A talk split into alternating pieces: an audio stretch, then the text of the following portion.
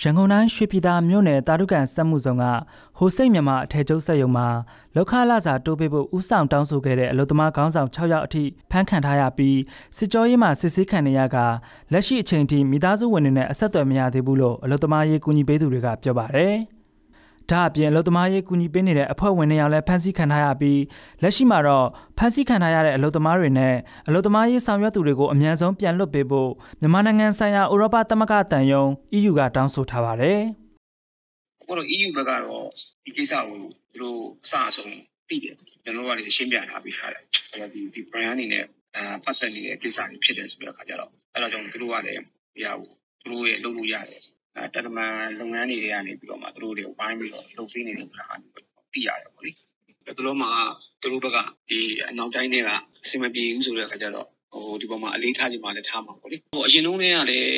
အဲကျွန်တော်တို့ကမအဖွဲ့အစည်းတွေကလည်းထောက်ပြနေတာပေါ့နော်ဒီလိုမျိုးဒီစစ်တပ်အာဏာသိမ်းထားတဲ့လက်အောက်မှာကမအဖွဲ့တွေကမရှင်းနိုင်ဘူးဆိုတဲ့ဥစ္စာတွေပေါ့နော်။ဟိုသူထောက်ပြထားတဲ့အားတွေရှိကြတယ်။အခုဒီဖြစ်စဉ်မတိုင်ခင်အထိကတော့ဒီကမအဖွဲ့အစည်းတွေ ဟိုသူတို့ SSC ဘက်ကခွင့်ပြုပါတယ်လို့ပဲလို့အားဖြင့်ပြောထားတာရှိခဲ့တာပေါ့နော်အခုတကကြီးနဲ့တာစီပိတ်ပင်တာမျိုးအစားမျိုးတော့မရှိခဲ့ဘူး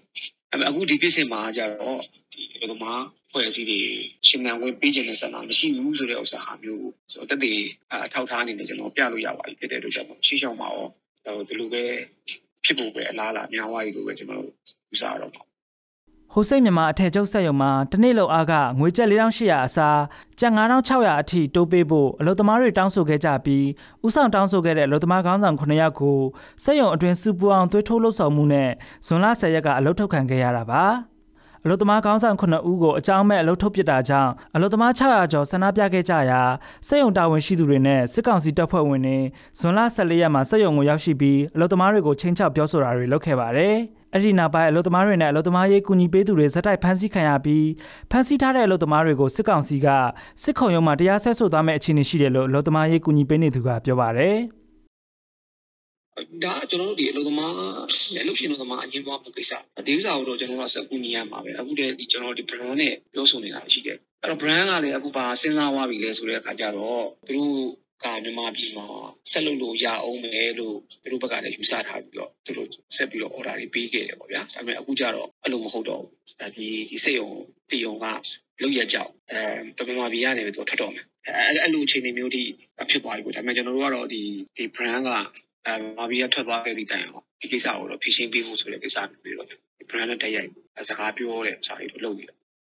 ပြီးခဲ့တဲ့ဇွန်လ14ရက်နဲ့15ရက်ကလည်းရန်ကုန်တိုင်းလိုင်သာမြို့နယ်က